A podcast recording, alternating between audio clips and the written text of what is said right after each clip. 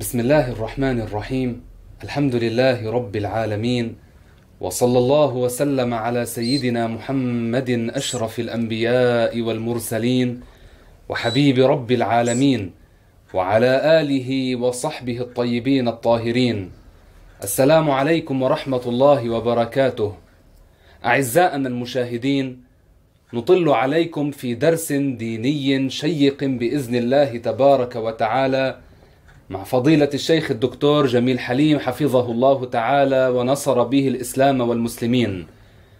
وكنا قد أنهينا الكلام على أربعة عشر سؤالا نكمل اليوم بإذن الله في السؤال الخامس عشر. السؤال الخامس عشر ما معنى الخالق؟ الجواب معنى الخالق الذي أبدع وكون جميع الحادثات أي أبرزها من العدم إلى الوجود فلا خلق بهذا المعنى إلا لله. قال الله تعالى هل من خالق غير الله؟ أي لا خالق إلا الله. وهنا قضية مهمة وهي أن من قال أو اعتقد بأن الإنسان هو الذي يخلق أعمال نفسه الاختيارية وليس الله هو الذي يخلقها فقد جعل لله شركاء فلا يكون من المسلمين. لو انتسب هو للإسلام كتلك الفرق التي تدعي الإسلام وتقول بأن العبد هو الذي يخلق أعماله الاختيارية التي تكون عن قصد واختيار منه وعلى زعمهم ليس الله هو الذي يوجدها. هؤلاء كذبوا الله لأنهم جعلوا لله شركاء وجعلوا الخلق بمعنى الإيجاد الذي هو إخراج المعدوم وإيجاد المعدوم وإخراجه من العدم جعلوا هذا الخلق لغير الله. وصفوا به الإنس والجن والملائكة والبهائم. فاذا هؤلاء جعلوا لله شركاء. فلا يكونون من المسلمين. وإن قالوا لا إله إلا الله بألسنتهم وإن صاموا صورة وإن صلوا صورة فالرسول صلى الله عليه وسلم هو الذي قال صنفان من أمتي لا نصيب لهما في الإسلام المرجئة والقدرية. القدرية هؤلاء الذين يقولون بأن الإنسان يخلق أعماله الاختيارية. كذلك هنا فائدة بعض الجهال يقول لابنه أنت ترد علي وأنا الذي خلقتك. يقول لابنه والعياذ بالله. يقول له أنا خلقتك. أو بعض النساء تقول لابنتها أنا التي خلقتك. فهذا كفر لأنها جعلت نفسها خالقة لابنتها والعياذ بالله تعالى. السؤال السادس عشر ما معنى الرازق في حق الله تعالى؟ الجواب معنى الرازق الذي يوصل الأرزاق إلى عباده والرزق هو ما ينفع ولو كان محرما. قال الله تعالى وما من دابه في الأرض الا على الله رزقها. هنا في الجواب ولو كان محرما هذا ليس حسا. على تحصيل الرزق من الحرام. لا إنما هنا يعرف معنى الرزق. أما من حصله من طريق محرم فهو مؤاخذ ومحاسب ويستحق العذاب والعقاب لأنه سرق مثلا أو ضرب انسانا وأكل ماله بالباطل فهذا حرام. لكن هنا من حيث التعريف من حيث التعريف يبين معنى الرزق.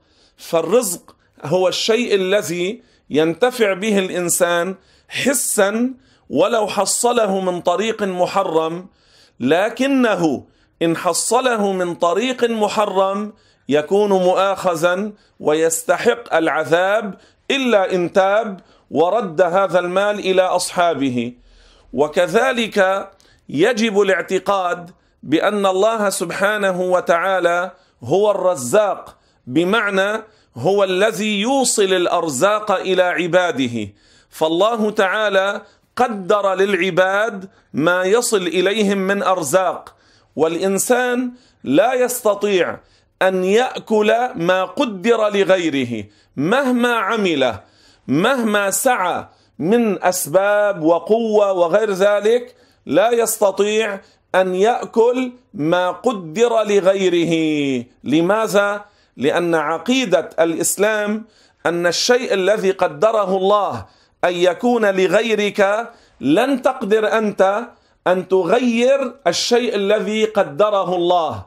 ولذلك قال سيدنا ومولانا الغوث الرفاعي الكبير رضي الله عنه وأرضاه إني علمت أن رزقي لن يأكله غيري فاطمأن بالي.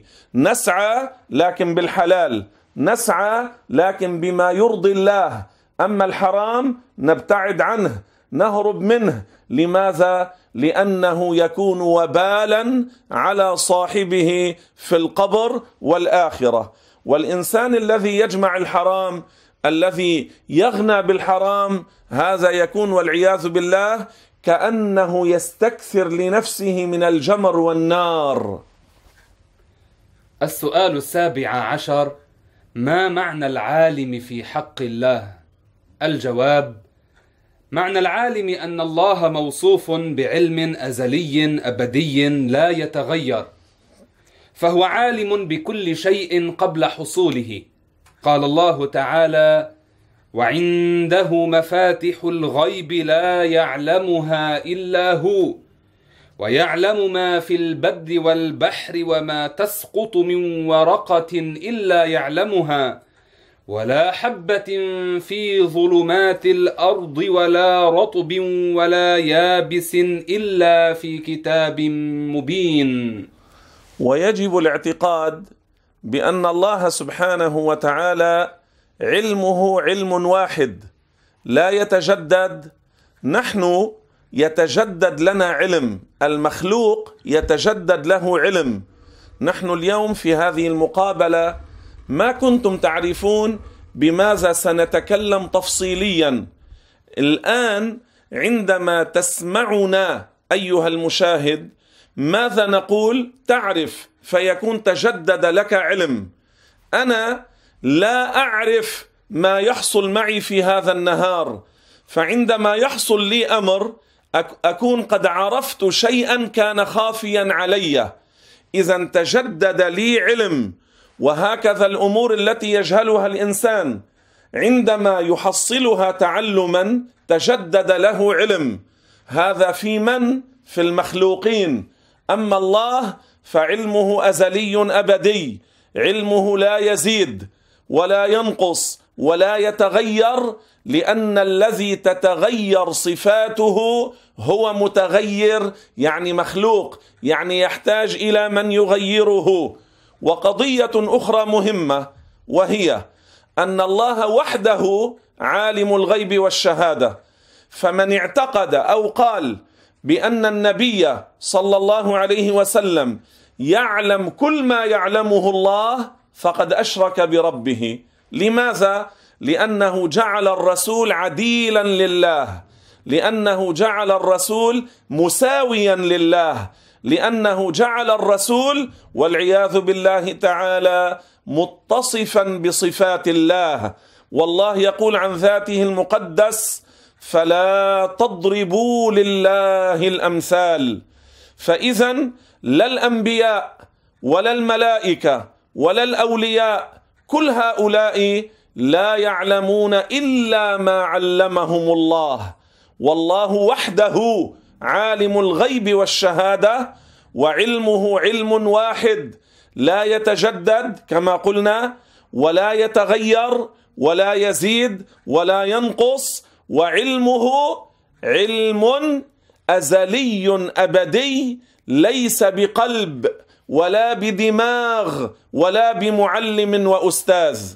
وقد قال الفقيه الشافعي البرزنجي الحسيني أحمد مفتي المدينة وهذا من أهل السنة ليس من المشبهه في كتابه غاية المأمول. اسمعوا ماذا قال. من سوى بين علم الله وعلم الرسول صلى الله عليه وسلم فهو كافر بالإجماع. اذا حتى الرسول لا يعلم كل ما يعلمه الله إنما يعلم ما علمه الله. فالرسول لا في الدنيا ولا في البرزخ ولا في الآخرة لا يعلم كل ما يعلمه الله إنما علمه بالنسبة لعلم الله كلا شيء. السؤال الثامن عشر ما معنى القدير في حق الله؟ الجواب معنى القدير المتصف بالقدرة وهي صفة أزلية أبدية يؤثر الله بها في الممكنات أي في كل ما يجوز في العقل وجوده وعدمه. فقدرة الله لا تتعلق بالواجب الوجود ولا بالمستحيل الوجود. قال تعالى ويعلم ما في السماوات وما في الأرض والله على كل شيء قدير. في الجواب أن قدرة الله لا تتعلق بالواجب. بالواجب يعني بواجب الوجود وهو الله عز وجل. فلا يقال الله خلق نفسه ولا يقال من خلق الله فهذا كفر وضلال. لأن الله موجود بلا بداية والله تعالى قدرته تتعلق بالممكنات العقلية. ما معنى الممكنات؟ يعني ما يجوز في العقل وجوده تارة وعدمه تارة أخرى. أنا وأنتم قبل ألف سنة لم نكن وجدنا في الأوقات التي وجدنا فيها على حسب ما قدر الله لنا في الأزل. ثم نعدم ونموت في الأوقات التي نموت فيها. لماذا؟ لأننا من الممكنات العقلية. كنت معدوما صرت موجودا لأن الله أوجدني. أموت لأن الله قضى علي بالموت. شاء لي ذلك قدر لي ذلك. فأنا من الممكنات العقلية وهذا العالم كله من الممكنات العقلية. فهذا العالم وجد بعد أن كان معدوما لأنه من الممكنات العقلية. وهذه المخلوقات تفنى لأنها من الممكنات العقلية. أما الله فواجب الوجود فلا يقال أوجد نفسه ولا يقال يعدم نفسه فهذا كفر وضلال. اذا قدرة الله لا تتعلق بالواجب ولا بالمستحيل. المستحيل لأنه لا يقبل الوجود أصلا لذاته. فلا يقال الله تعالى قادر على اتخاذ الولد. لا يقال الله قادر على اتخاذ الزوجة. لا يقال الله قادر أن يكون جسما. هذا القول كفر لأن هذه الأمور ليست ممكنة عقلية بل مستحيلة. فلا تحصل ولا تدخل في الوجود. ويجب الاعتقاد بأن الله قدرته قدرة واحدة. ليست متعددة وليست متجددة وليست متبعضة. ولا تحدث له شيئا بعد شيء لأن هذا من صفات المخلوقين والخالق لا يشبه المخلوق. السؤال التاسع عشر بين أقسام الحكم العقلي. الجواب الحكم العقلي ينقسم إلى ثلاثة الوجوب والاستحالة والجواز. الواجب العقلي ما لا يتصور في العقل عدمه وهو الله تعالى وصفاته. والمستحيل العقلي ما لا والمستحيل العقلي ما لا يتصور في العقل وجوده كوجود الشريك لله والجائز العقلي ما يتصور في العقل وجوده تارة وعدمه تارة أخرى كسائر المخلوقات. هذا في المعنى يشبه الذي مر معنا الآن. نعم. السؤال العشرون ما معنى أن الله فعال لما يريد؟ الجواب معنى الفعال لما يريد أن الله قادر على تكوين ما سبقت به إرادته. لا يعجزه عن ذلك شيء ولا يمانعه أحد ولا يحتاج إلى استعانة بغيره. قال الله تعالى ولو شاء الله ما اقتتلوا ولكن الله يفعل ما يريد وقال تعالى إن ربك فعال لما يريد. الله سبحانه وتعالى تقديره أزلي ليس حادثا فالله عز وجل قادر على كل شيء وكل ما قدر الله في الأزل كل ما أراد الله في الأزل أن يوجد يوجد على حسب ما سبق في تقدير الله تعالى. الله أراد لنا أن نكون في هذا العصر وأن نكون على هذه الصفة وأن نكون بهذه الهيئة. فهذا التقدير الأزلي لله لا يستطيع أحد أن يغير فيه أو أن يمنعه لأنه لو حصل لكان الله مغلوبا والمغلوب يكون مخلوقا. لأنه لو كان مغلوبا لكان عاجزا. ولو كان عاجزا ما استطاع أن يوجد الكون والعالم. وبما أن العالم موجود فموجده غالب قادر قاهر. لا يستطيع أحد أن يمنعه من تنفيذ ما سبق في إرادته ما سبق في الأزل ولا يستطيع أحد أن يمنعه من إحداث ما قدر في الأزل أن يحدثه وأن يوجده. لأن الله تعالى لو كان محكوما لو كان مغلوبا لو كان عاجزا لو كان مقهورا لو كان مغلوبا ما كان الها. والله عز وجل يقول في القرآن الكريم هل تعلم له سميا اذا لا مثل لله. لو كان ضعيفا مغلوبا لو كان مقهورا لكان له امثالا لا تحصى وهذا لا يجوز على الله. فالله تعالى قادر على كل شيء لا يستطيع أحد أن يمنع نفاذ مشيئة الله عز وجل لأنه أزلي أبدي وصفاته أزلية أبدية. وهنا أيضا نؤكد أن الله في الأزل قدر وجود الأشياء وليس اليوم يقدر.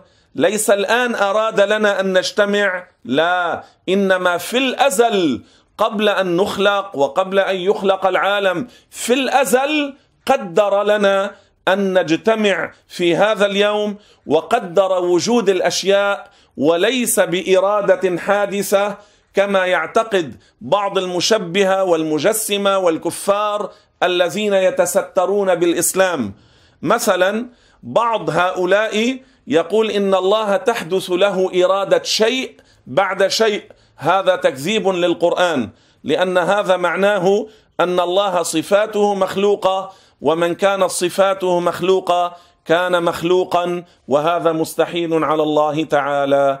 اللهم اغفر لنا وللمؤمنين والمؤمنات تب علينا وارحمنا واهدنا وسامحنا فقهنا في الدين ثبتنا على عقيدة نبيك المصطفى صلى الله عليه وسلم. والحمد لله رب العالمين والسلام عليكم ورحمة الله وبركاته.